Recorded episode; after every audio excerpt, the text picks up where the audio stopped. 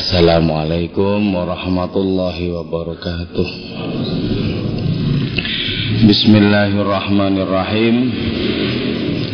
Hamdan wa thana'an laka ya Allah salatan wa salaman laka ya Habiballah wa ala alika wa ashabika ya khair halkillah لك يا رسول الله ولجميع من اتبع دينك يا حبيب الله حقيقة من لدن آدم لا يوم القيامة رضي الله لنا ولهم الفاتحة أعوذ بالله من الشيطان الرجيم بسم الله الرحمن الرحيم الحمد لله رب العالمين الرحمن الرحيم مالك يوم الدين إياك نعبد وإياك نستعين اهدنا الصراط المستقيم صراط الذين أنعمت عليهم غير المغضوب عليهم ولا الضالين آمين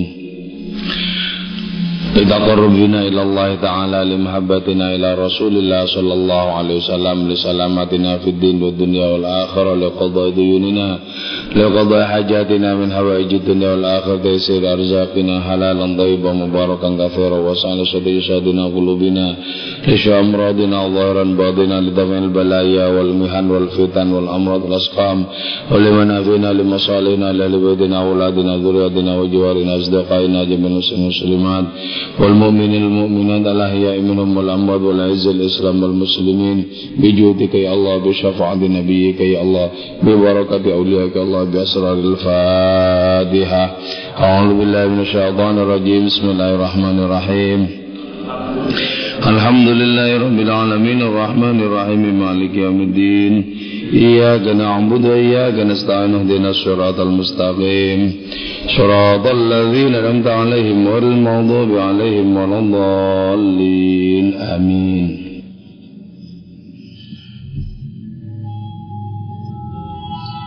Kita melanjutkan pembahasan puisi Syekh Muhyiddin Ibn Arabi tentang Al-Awanis Al-Muzahimat yaitu para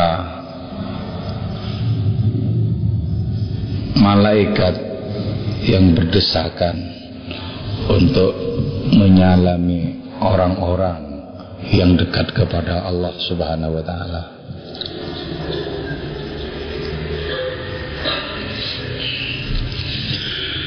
Bismillahirrahmanirrahim. Qala al-musannif rahimahullah ta'ala Wa nafa'ana bi'ulumihi wa amadana bi'asrari Wa fa'adu alaina min barakati wa bikum amin. Alam tadri Apakah tidak tahu engkau Annal husna kepada sungguhnya keindahan? Yaslubu ialah menelikung itu keindahan man kepada orang lahu ialah begitu man afafun adapun kesucian hati. Fawuda'a maka dipanggil itu man salibal hasanat kepada dia yang menelikung kebaikan-kebaikan. Kata-kata husnon dan hasanatun. Akar katanya sama kalau husnun itu keindahan kalau hasanatun itu kebaikan. Kebaikan itu itu merupakan bagian dari keindahan. Setiap orang yang merasakan nikmatnya kebaikan berarti sudah terhubung dengan keindahan. Kalau kita zikir nikmat Kalau kita berbuat baik kepada sama nikmat Itu berarti sudah terhubung Dengan hakikat keindahan ilahi. Semakin masuk ke dalam kebaikan Maka semakin terhubung pula dengan keindahan. Ketika orang semakin kesemsem terhadap keindahan ilahiyat maka orang ini ditelikung oleh kekuatan keindahan itu sehingga orang ini tidak memiliki adanya perhatian tidak memiliki konsentrasi kepada apa pun yang lain kita bisa membayangkan dengan cara pandang seperti ini. Bagaimana kekasih-kekasih Allah Subhanahu wa taala itu dipukau oleh keindahan ilahiyat sehingga mereka merasakan hambar apa pun yang lain. Hambar apa pun yang lain. Semesta ini menjadi kecil di hadapan orang yang terpukau kepada kemahaindahan Allah Ta'ala kecil nah di saat itu kemudian karena orang ini terhubung dengan kemahaan Allah Ta'ala orang ini terangkat kemudian. Sehingga orang ini menjadi jauh lebih besar bahkan dibandingkan dengan semesta sekalipun. Lebih besar.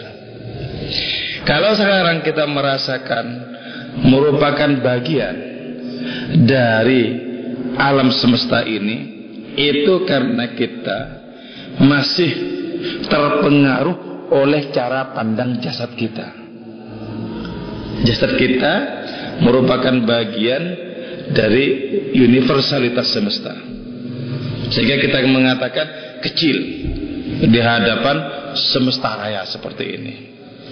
Tapi ketika kita sudah mulai terpukau kepada Allah Ta'ala Disedot perhatian kita sedemikian rupa terhadap kemahindahan itu Semesta ini kecil Kecil.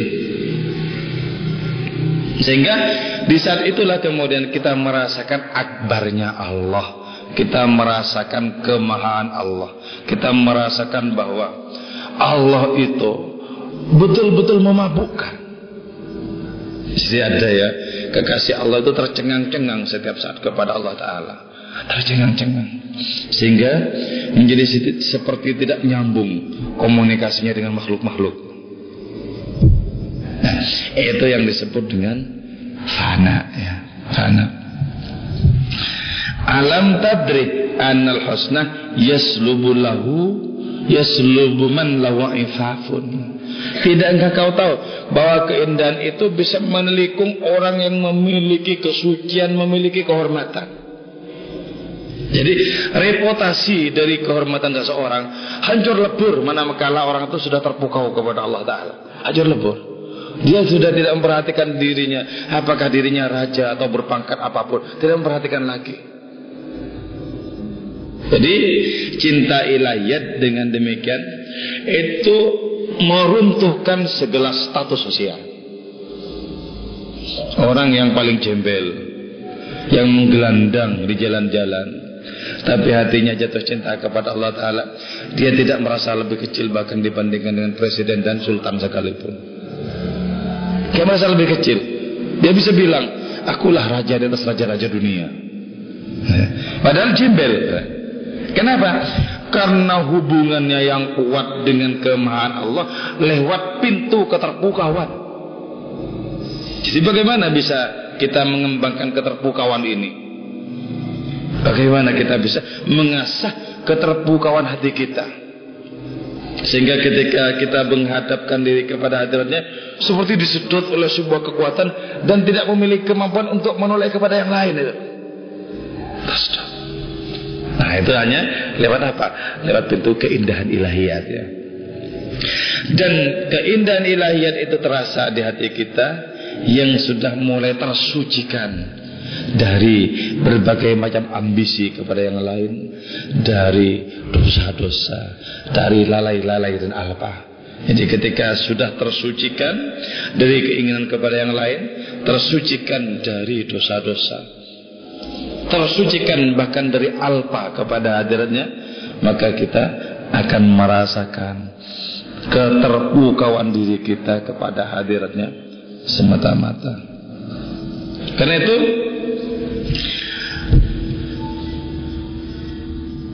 orang yang jatuh cinta ini mengatakan Ya salibal hasanat Wahai engkau yang telah menelikung kebaikan jadi takaran tentang kebaikan, logika tentang kebaikan, nggak ada itu sudah. Apalagi tentang pahala nggak ada, tentang neraka nggak ada.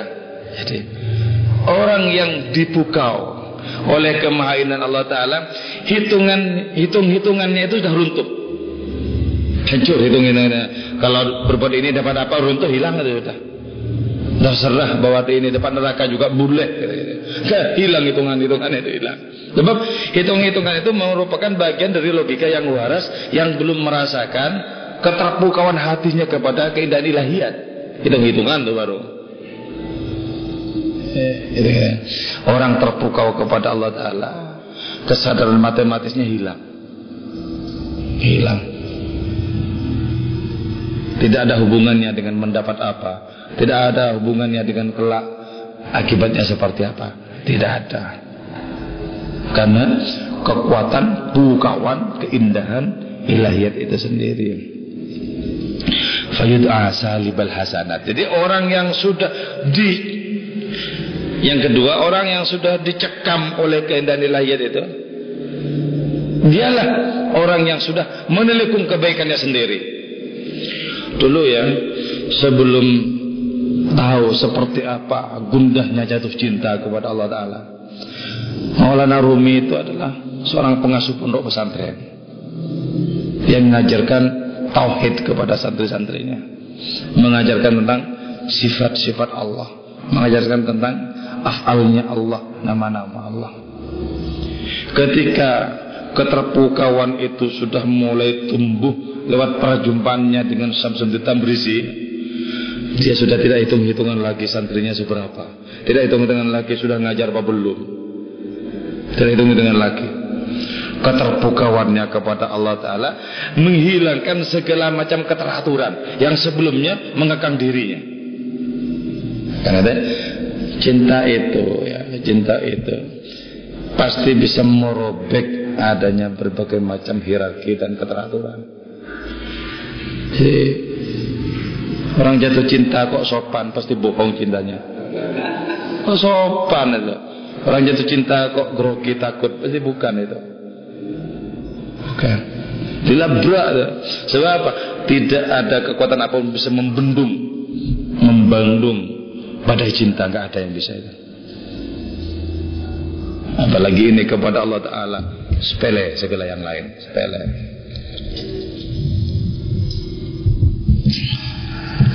Fayud'a salibal hasanat. Orang yang sudah terpukau Itu dipanggil sebagai apa? Dia yang sudah menelikung kebaikan-kebaikan. Dia yang sudah kalkulasinya Itu sudah hancur. Timbangannya sudah hancur. Hidup adalah sarana yang dipakai sepenuh-penuhnya untuk melunasi gairah cinta, keterpukauan kepada keindahan-keindahan ilahiyat. Oke, sebelum dilanjutkan kepada bait berikutnya ada yang ditanyakan? Pertama-tama mungkin walaupun belum bisa merasakan minimal membayangkan dengan bayangkan sebab membayangkan itu awal mula dari langkah kaki rohani kita untuk sampai ke sana Gimana rasanya orang terpukau kepada keindahan Allah? Bagaimana orang rasanya hatinya itu ditelikung oleh kemahaindahan Allah Ta'ala. Kalau dalam bahasa Maulana Rumi, kalian yang melihatku, kalian akan menyaksikan malam kami menjelma siang yang terang benderang. Jadi berubah فموعدنا بعد الطواف بزمزم لدى القبة الوسطى لدى الصخرات Fama'iduna maka adapun janji perjumpaan kami ba'da tawaf. Setelah tawaf itu bizamzam ialah di mata air zamzam. Nah apa sesungguhnya yang disebut dengan tawaf ini ya? Tawaf itu simbol dari apa? Dari perputaran cinta ilahiyah. Mendaki. Sampai melampaui segala sesuatu. Transendensi transendensi ketika transendensi itu sudah melampaui segala-galanya Kenapa kemudian kok berhentinya di mata air zam-zam, menenggak air zam-zam?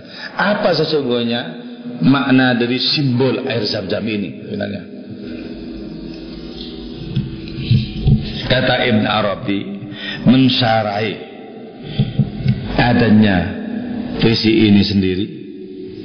Taqulu lahu hadhihi ruhaniyat min maqamatil hayat allati nahnu laha fa innaha arwahun wal munasabatu baina bainal ma'al hayat. Jadi, untuk apa berhenti di air zam-zam menenggak air zam-zam itu? Untuk membumikan transendensi cinta. Sebab air itu merupakan awal mula dari kehidupan yang real ini. Awal mula. Al-Quran dalam salah satu ayatnya misalnya menyatakan bahwa segala sesuatu itu aku ciptakan dari air. Waj'alna minal ma'i kulla syai'in hay waj'alna dan menjadikan aku minal ma'i kulla syai'in. Kepada segala sesuatu hayyin yang hidup ciptakan dari air. Jadi ketika transendensi cinta itu sudah tak terjangkau sepenuhnya oleh alam real, alam empirik, alam yang nyata seperti ini, maka untuk membumikannya itu dipertemukan dengan zam-zam. Air yang merupakan asal mula dari segala kehidupan ini. Sekarang misalnya ya, bagaimana kita mengukur hidup atau tidak hidupnya semesta ini? Kalau dalam biologi kan ada makhluk hidup, ada makhluk tak hidup. Kalau di dalam tasawuf seluruh makhluk hidup. Sebab seluruh makhluk itu memiliki bahasanya sendiri untuk mempersembahkan syukur kepada Allah Ta'ala. Bahkan batu-batu itu pun juga memiliki bahasanya sendiri yang menunjukkan bahwa batu-batu itu hidup. Hidup. Bahasanya adalah bahasa batu-batu. Bahasanya adalah bahasa yang oleh biologi disebut makhluk tak hidup. Nah, ini berarti gini. Sebuah transendensi, pendakian secara rohani, melampaui segala sesuatu, tidak boleh tidak wajib kita bumikan. Wajib kita bumikan. Itulah sebabnya kenapa muncul hadis-hadis maka yu'minu bil billahi wal yawmil akhir falyukrim jarahu. Orang beriman kepada Allah dan hari akhir hendaklah memuliakan tetangganya. Itu biar membumi. Fal yukrim toifahu Maka hendaklah memuliakan tamunya Biar membumi Tabassumuka li akhika sotakotun Senyummu kepada sesamuamu Itu adalah sedekah Biar membumi Nah zam-zam itu adalah simbol bagaimana nilai-nilai keilahian itu menjadi kenyataan diterjemahkan di dalam kehidupan seperti sekarang ini. Maka orang yang paling mulia adalah dia yang paling lengkap menerjemahkan Allah. Jadi gimana cara kita menjadi mulia? Terjemahkanlah Allah dalam kenyataan hidup kita sehari-hari, maka kita akan menjadi orang yang mulia. Sudahkah tindakan-tindakan kita mencerminkan dari nama-nama Allah? Sudahkah sifat-sifat kita mencerminkan sifat-sifat Allah dan seterusnya? Nah, tugas kita adalah menerjemahkan Allah Ta'ala serial mungkin di dalam kehidupan ini. Maka kita akan menjadi mulia. Jadi, dua hal Dua dimensi dalam agama kita itu adalah transendensi tapi juga imanensi. Hablun minallah, hablun minanas. Imanensi. Nah, ketika kita sudah menerjemahkan Allah dalam kehidupan, kita betul-betul menjadi wiqayah bagi Allah. Kita menjadi pakaian bagi Allah. Kita menjadi pengejauhan tahan bagi Allah.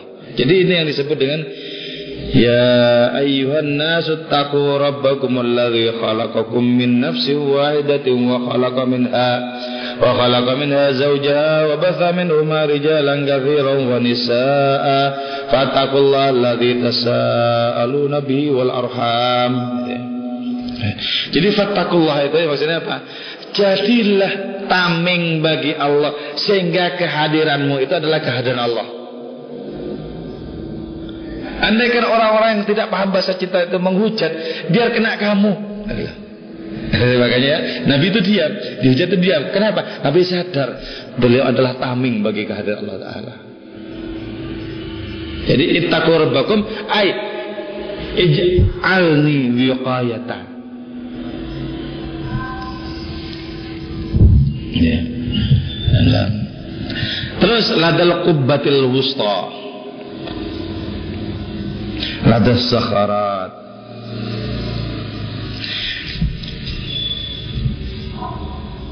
Ladal qubbatil wusta. Di kubah yang ada di tengah itu ladas sakharat bagi adanya tumpukan batu-batu itu.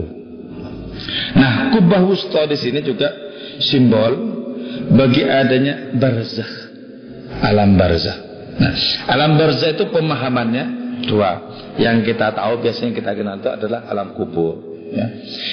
Tapi sesungguhnya dalam tasawuf tidak menunjuk kepada alam kubur kepada, tapi menunjuk kepada orang-orang yang sudah menjadi tameng bagi Allah itu.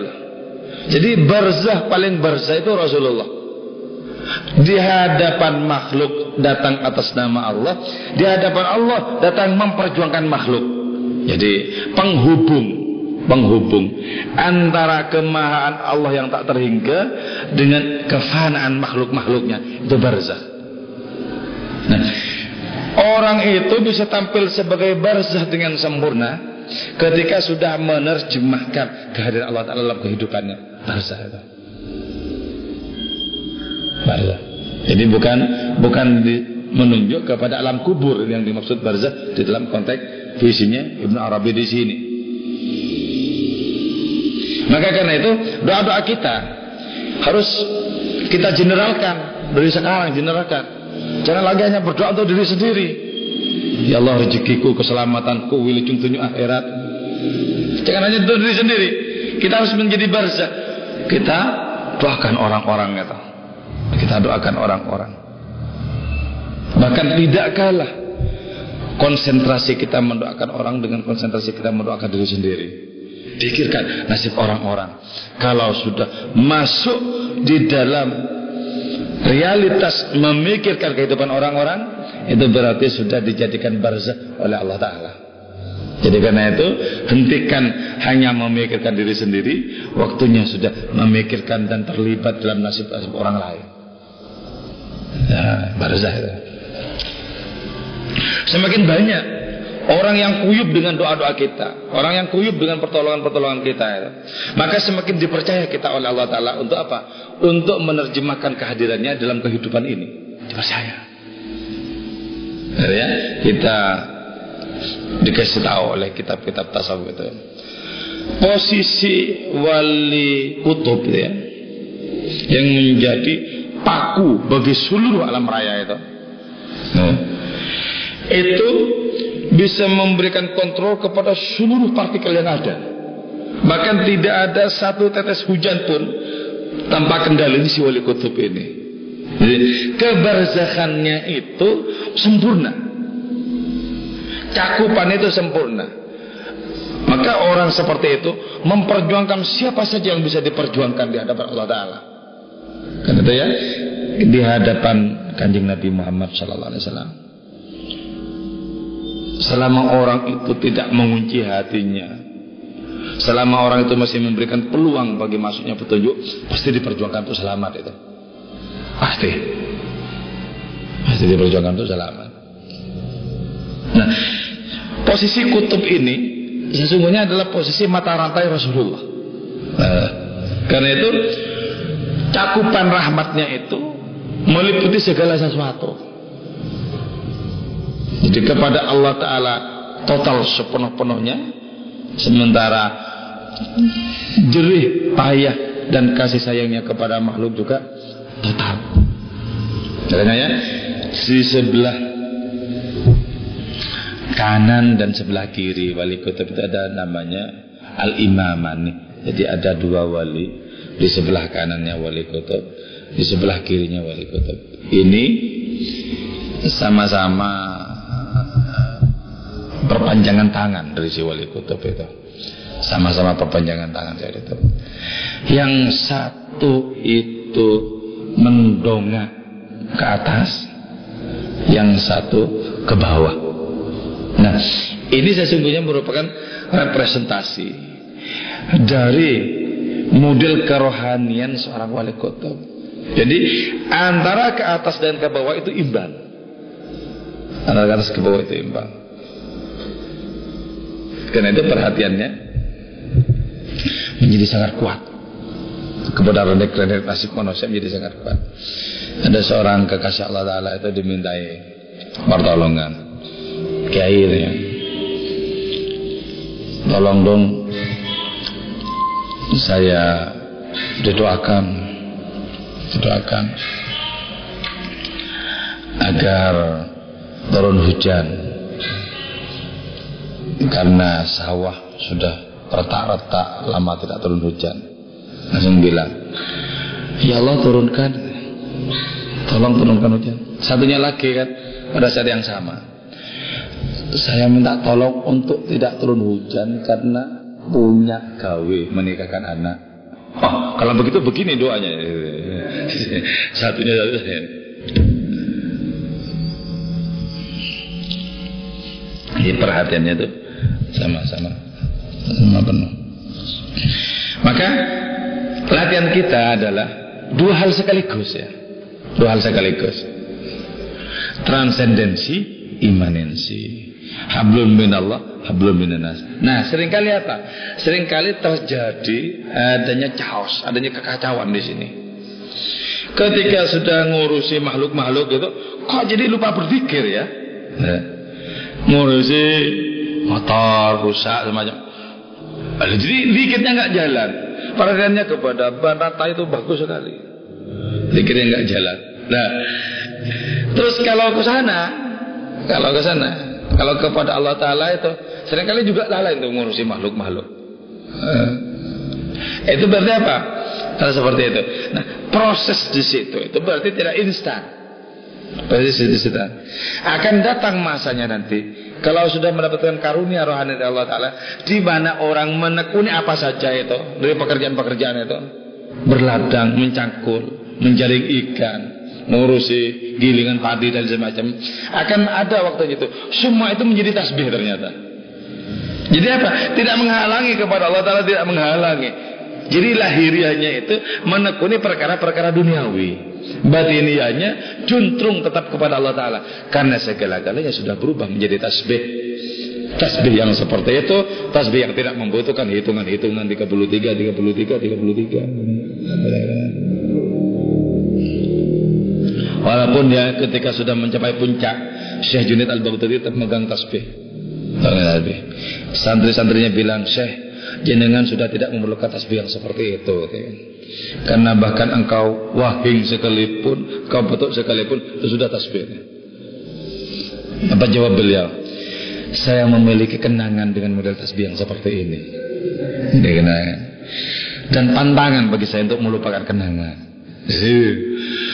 Sudah melampaui segala yang ada, sudah menjadikan semuanya sebagai tasbih, tetap saja menekuni yang dulu pernah ditekuni itu. Karena itu tidak pernah Sayyidina Al-Baghdadi itu menemani orang-orang proses kemudian ditinggalkan mereka. Tidak pernah. Misalnya cuma ngasih petunjuk saja. Kau baca ini sekian, kau ini. Enggak pernah. Tapi juga ngikuti juga. Ayo aku juga baca. Dulu juga aku begini. Walaupun itu sungguhnya sudah dilampaui. Dilampaui. Kebanyakan para wali itu justru ketika melampaui sudah selamat tinggal kenangan sekarang kenyataan baru ya. Kebanyakan seperti itu. Untuk apa? Untuk menutupi diri mereka. Untuk menutupi diri mereka sendiri. Terus kenapa juga di sini setelah ladal qubatil usta telah ada sakharat itu ya. Kenapa? Kok berbicara tentang perkara batu-batu, jemaat, perkara benda-benda yang padat itu. Simbol apa itu sebenarnya? Nah, itu merupakan sarana bagi terejawantahkannya nilai-nilai keilahian. Maka karena itu apa pun yang dipegang oleh kekasih Allah Ta'ala itu bisa berubah menjadi orkestrasi zikir. Pernah Maulana Rumi itu ya berada di dekat kincir air. Dia keluar sendirian dari kumpulan para ulama yang sedang pikiran. Dia keluar. Suara hatinya mengajak keluar. Keluar dia. Keluar ternyata mendatangi kincir air. Nah, ketika mendatangi kincir air itu, kincir air itu ternyata berpikir dengan suara yang bisa didengar oleh banyak orang. Dari mana itu? Dari pengaruh kekuatan rohaninya Maulana Rumi. Itu nggak seberapa. Nah, kalau Rasulullah, ya, kalau Rasulullah sampai wahanna ilaihil jir'u hanina hazinin natib. Sebuah cagak dari pohon kurma itu. Ketika para sahabat sudah bikin mimbar untuk Rasul, para sahabat bilang, Mau enggak Rasul kami bikin mimbar? Terserah sabda Nabi Dibikin mimbar. Ketika Nabi pindah ke mimbar Cagak ini ngomong gitu. Dan semua orang di situ mendengarkan Sambil nangis Wahanna ilail jin wahani nazinin natib Ya Rasul jangan ditinggalkan. Dengar semua. Itu ada apa? Ketika tersentuh Benda-benda di sekitar kekasih Allah Ta'ala sungguhnya bersama dengan itu. Benda-benda itu berzikir cuman dengan bahasa benda-benda. Kalau Allah Ta'ala berkendak ditampakkan sebagaimana cagak di masa Nabi di Madinah itu atau sebagaimana kincir airnya Maulana Rumi itu kalau Allah berkendak juga tidak diperdengarkan tapi suasananya pasti berbeda sudah suasana berbeda dekat-dekatlah kepada orang yang sudah dekat dengan Allah Ta'ala rasanya itu lain tentramnya itu beda Tentram sekali. Kenapa? Orang ini sudah tidak punya pamrih. Orang ini sudah tidak punya ambisi kepada yang lain. Pasti tentram. Jadi kena bias cahayanya, kena bias naungannya. Ya, kenapa kok menyebut ladal kubbatul usta, ladal sakharat.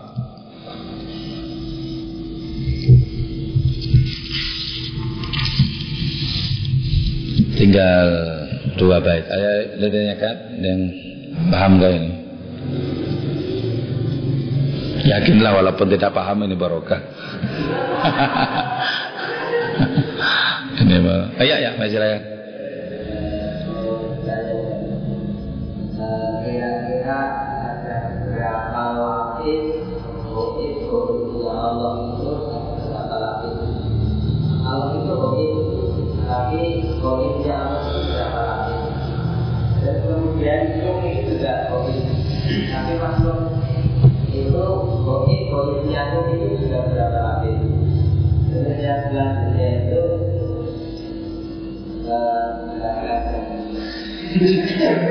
mau menggandakan.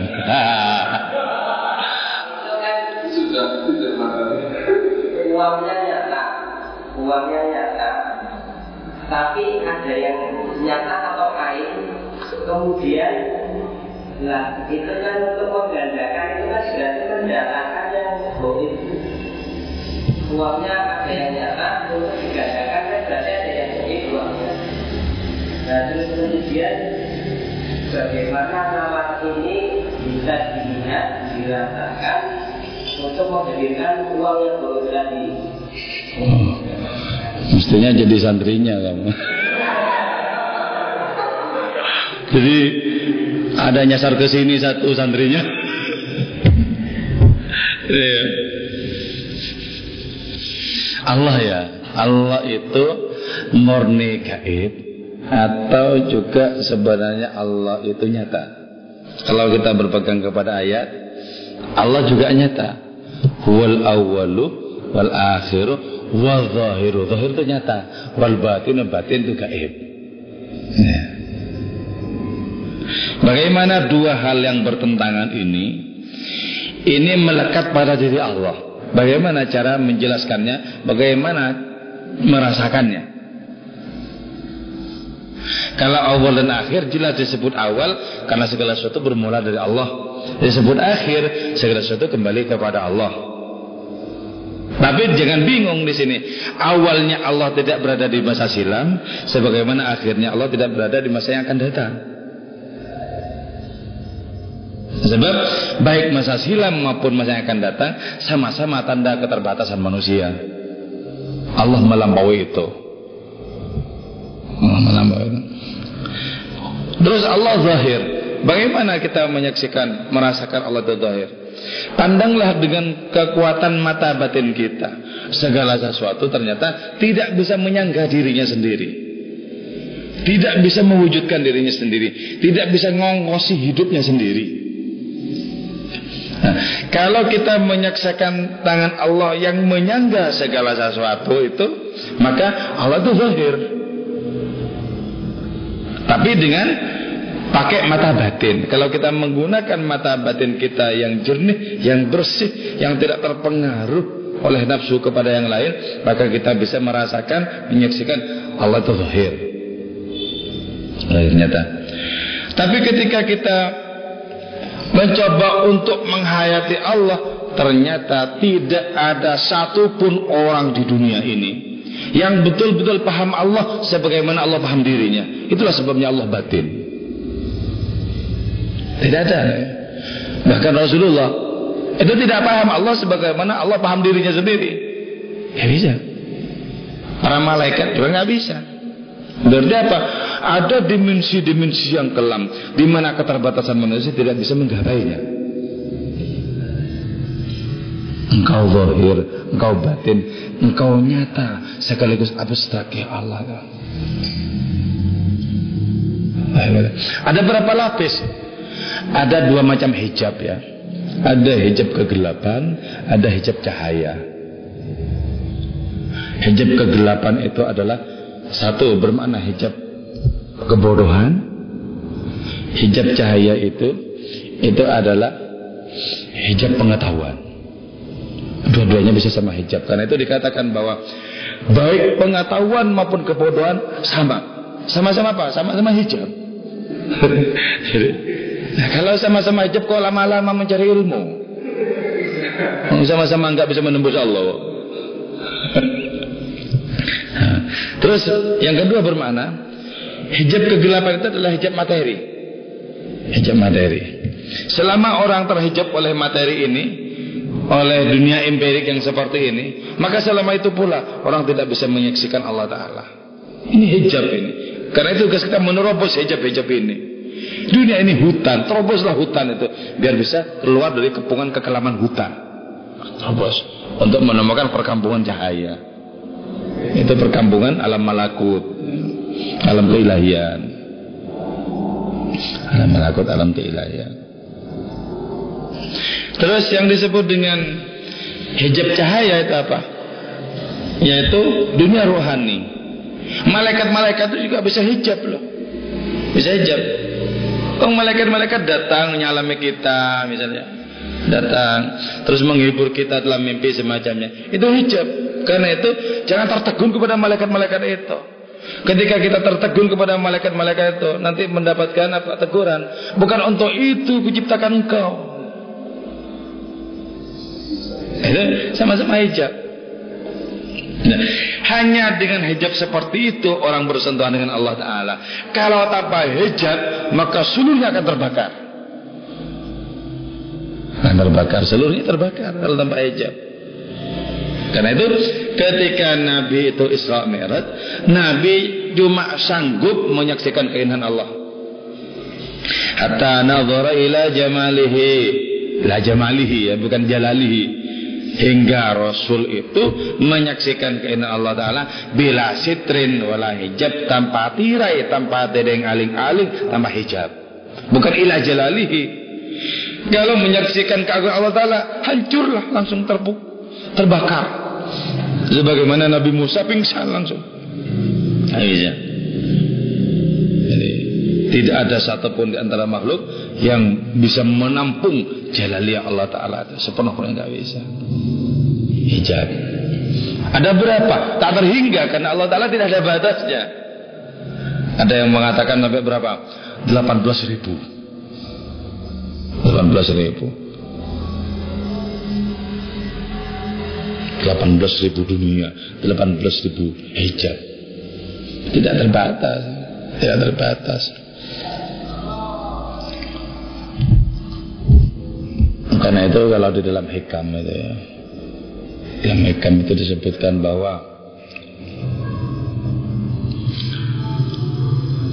semua yang ada ini nanti tergulung habis oleh kemahaesaannya.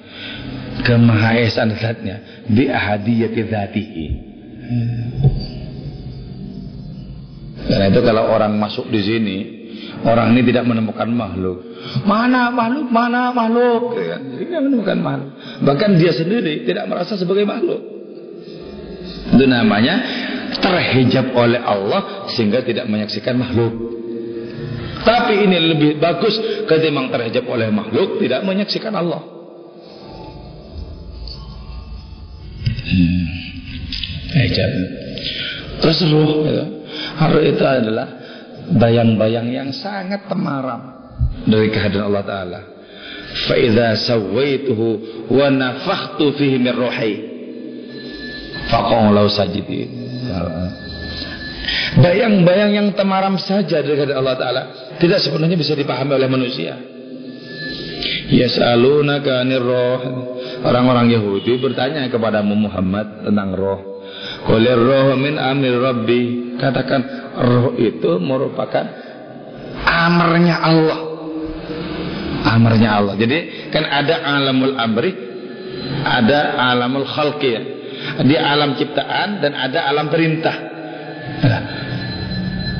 Alam perintah. Nah, alam perintah ini yang sesungguhnya tidak memiliki realitas tapi punya hubungan dengan realitas alam perintah. Jadi adanya apa nisabun keterhubungan-keterhubungan. Nah, alam perintah ini makul, rasional itu, rasional. Tapi tidak bisa berdiri sendiri sebab wujudnya cuma di alam al-khalqi, di alam real. Wujudnya di alam real. Coba ya. Apakah ketika tangan kita bergerak, tangan kita yang menghendaki? Eh, tidak. Tangan kita nggak menghendaki apa-apa. Dan yang menghendaki itu di dalam diri kita itu bukan merupakan bagian dari bukan merupakan bagian dari alam empirik, bukan. Jadi bukan bagian dari alam empirik, itu alam al-amri. Alam perintah. Nah, alam perintahnya Allah Ta'ala itu itu merajut seluruh semesta. Karena itu nanti ada gerakan-gerakan di alam semesta ini yang diperankan oleh alam perintah seperti itu. Makanya orang-orang makrifat itu ketika menyaksikan hembusan angin langsung yang disaksikan Allah Taala. Bukan terutama angin yang menggoyang dedaunan itu bukan Allah. Andaikan bukan karena perintahmu, bagaimana mungkin angin ini setia untuk berhembus kepada, kepada semesta ini? Iya. Itu alamul amr. Jadi ada nisabun, ada keterhubungan-keterhubungan antara alam real dengan alam perintah. Nah, ruh merupakan bagian dari alam perintah itu. Di manakah? Makanya yang disebutkan gini ya. Pada segala sesuatu ada malaikat. Jangan malaikat ngurusi tumbuhnya dedaunan, malaikat ngurusi hujan, malaikat ngurusi awan semacamnya. Maksudnya di situ itu ada alam perintah yang diperankan oleh malaikat-malaikat. Bahkan pada persendirian diri kita di mana kita bisa bergerak-gerak gitu ya. Ini ada malaikat. Maksudnya itu adanya realisasi dari alam perintah itu. Alam al-amr. Nah, kepada roh yang ada di alamul amri itu kita tidak bisa sepenuhnya menjangkau. Sebab wa ma'utitum minal ilmi dan tidak diberi kalian minal ilmi tentang ilmu mengenai roh itu maksudnya. Ila kalian jadi dikit. Jadi apa? Jadi roh kita itu memiliki roh, tapi pahamkah kita tetap roh kita? Kata Maulana Rumi itu, yang mestinya kau beri makan ruhmu bukan jasadmu semata-mata. Ketika jasadmu kau beri makan muncul watak-watak hewan dalam dirimu. Tapi ketika ruhmu yang kau kasih makan muncul watak-watak malaikat dalam dirimu. Eh, ada berapa lapis sih? Nggak tahu juga berapa lapis tapi yang jelas tidak ada orang yang sepenuh-penuhnya paham. Kenapa? Karena tersambung dengan Allah Subhanahu wa taala. Fadha sawaitu wa nafakhtu fi min ruhi. Ketika sudah kusempurnakan penciptaan Adam dan kutiupkan ruhku padanya. Di situ awal mula datangnya perintah untuk malaikat agar bersujud takzim kepada Nabi Adam. Terus menggandaan toh, pengen nggak menggandakan? uang itu ya, sudah banyak menggelincirkan orang ya. Nah, orang uang menciptakan pertikaian dalam kehidupan. Uang menjadikan bergemuruh kehidupan ini. Uang orientasinya akhirnya itu uang Orang nyari ilmu ya lama-lama itu tujuannya ya uang. Uang. Jadi kerja apa terus bayarannya berapa? Eh, Karena itu Wajar kalau di Mas Kanjeng itu santrinya banyak banget. Banyak banget.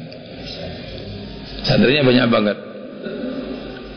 Dan dari kalangan intelektual juga. Santri-santri yang menyiapkan diri untuk ditipu. Nah, kayak gitu itu ya. Itu sebenarnya ilmu yang sangat kasar itu. Yang seperti di Mas Kanjeng itu sangat kasar. Yang lebih halus dari itu banyak perkara menggandakan uang itu. Yang lebih halus dari situ. Kalau itu kan masih ada unsur tipuan-tipuannya juga itu. Orang ngasih mahar sampai ratusan juta, kan banyak tipuan-tipuannya juga itu sebenarnya. Tidak betul-betul menggandakan, tidak betul-betul menggandakan. Hmm. Itu juga penipuan itu juga diperlihatkan oleh teknologi, oleh YouTube, oleh internet, penipuan-penipuan. Siapa yang betul-betul percaya bahwa itu benar-benar bisa mendatangkan uang atau mengadakan uang? Dia ngambil ya, macam-macam. Nah kalau memang sudah disediakan di dalam gimana? Ada pura-pura aja. Dan nanti ketika sudah habis dia masuk kamar, ganti jubah yang lain, yang persis sama. Dan sudah disediakan uangnya di situ. Hanya percaya. Kayak gitu tuh ya, menjijikkan. Menjijikkan. Jangan sampai tertarik kayak gitu itu doa-doa kayak gitu kan banyak tapi untuk apa itu apa? Saya pernah ditawari oleh khodam-khodamnya uang itu saya tolak. Kenapa? Gambarannya itu babi sangat besar. Itu berdiam diri di tempat yang becek banget lidahnya dijilatkan ke lumpur-lumpur dimasukkan ke hidungnya jilatkan lumpur dimasukkan ke hidungnya. Jadi bisa memiliki kekayaan yang sangat banyak itu. Tapi kotor. Hatinya digadaikan. Gitu loh. Hatinya digadaikan. Karena itu orang yang terhormat itu orang yang tidak terpukau oleh materi. Terhormat. Dan terpukau oleh materi. Kalau orang sudah memenang kecil materi di hadapannya rohaninya bagus itu orang kita itu cuma potongannya orang sulit kok batinnya ya nunggu kesempatan sebenarnya ini potongannya seperti potongan nerimo, gitu. seperti orang soleh, seperti orang bertakwa. Potongannya gitu. Kelihatannya itu seperti mirip-mirip sufi. Eh. Coba kalau saya yakin kalau di Mas Kanjeng itu di Jogja, wah pengikutnya mahasiswa juga itu. Sarjana sarjana sama dosen-dosen jadi pengikutnya jadi itu hilangkan. Adanya keterpukauan kepada materi itu hilangkan. Hilangkan. Jadi jangan uh, tekun beribadah tapi sesungguhnya masih saja itu hasrat yang kuat masih, masih ada hasrat yang kuat kepada materi itu jangan jangan kita tuh lebih mulia ketimbang materi mestinya materi itu yang menawarkan diri kepada kita mestinya bukan kita diam-diam sangat mengharapkan jangan itu sudah tidak pada tempatnya.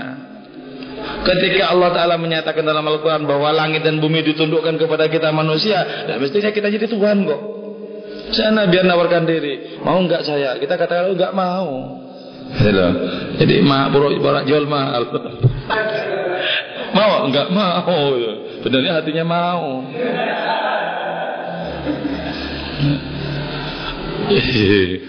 Betul-betul karena itu ya. Itu luar biasa itu. Rating sensasinya di Mas Kanjeng itu ya. Luar biasa.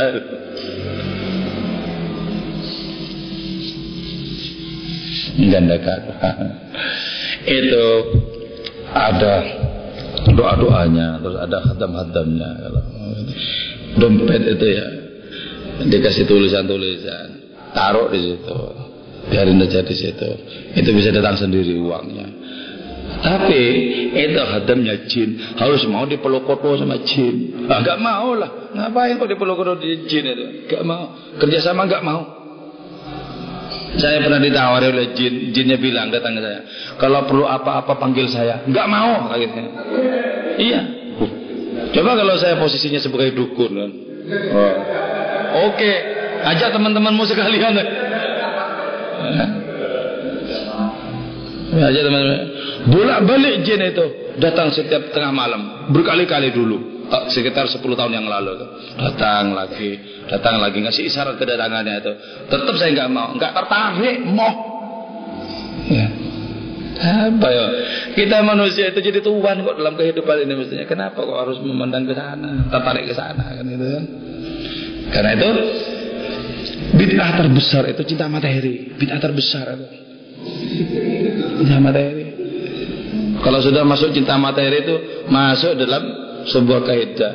Hubbud dunya ra'su kulli khati'atin. Cinta harta benda dunia itu adalah pangkal dari segala dosa-dosa. Pangkal dari segala dosa-dosa. Setan kemudian bilang, dunia ini materi ini anakku. Jadi kalau kau melamar anakku ya baik-baiklah sopan kepada mertuamu dong.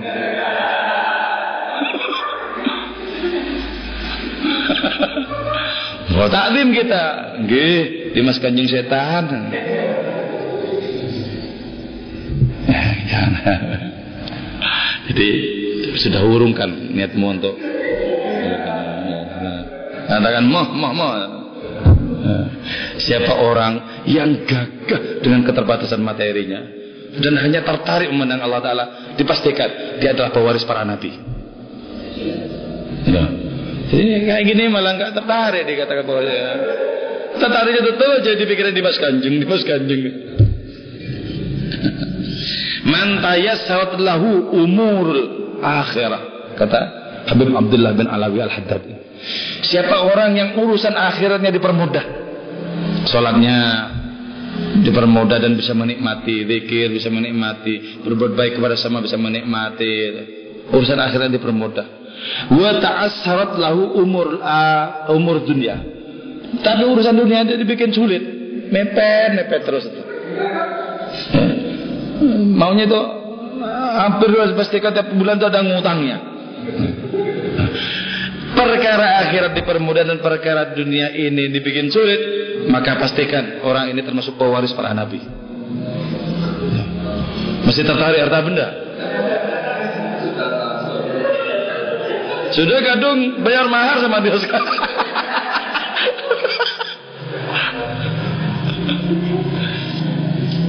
Tapi kalau yang paling nista, paling malang itu ya sudah sulit perkara dunia, sulit pula perkara akhirat baru. Yang ya mending bergabung dengan Dimas Kanjeng kalau begitu. Nah, lumayan lah untuk sementara bisa ber, berbahagia untuk tertawa. Faliat haku kolilan, waliyabku kathira. Maka hendaklah tertawa untuk waktu yang sangat sebentar ini. Rayakan waktu yang fana ini. Toh juga kelak di akhirat akan dijemput disongsong oleh penderitaan. Rayakan dulu. Mari berpesta pora. Mari kita mabuk sebelum dikincit oleh penderitaan yang tidak ada batasnya. Ya, ada yang tanya lagi?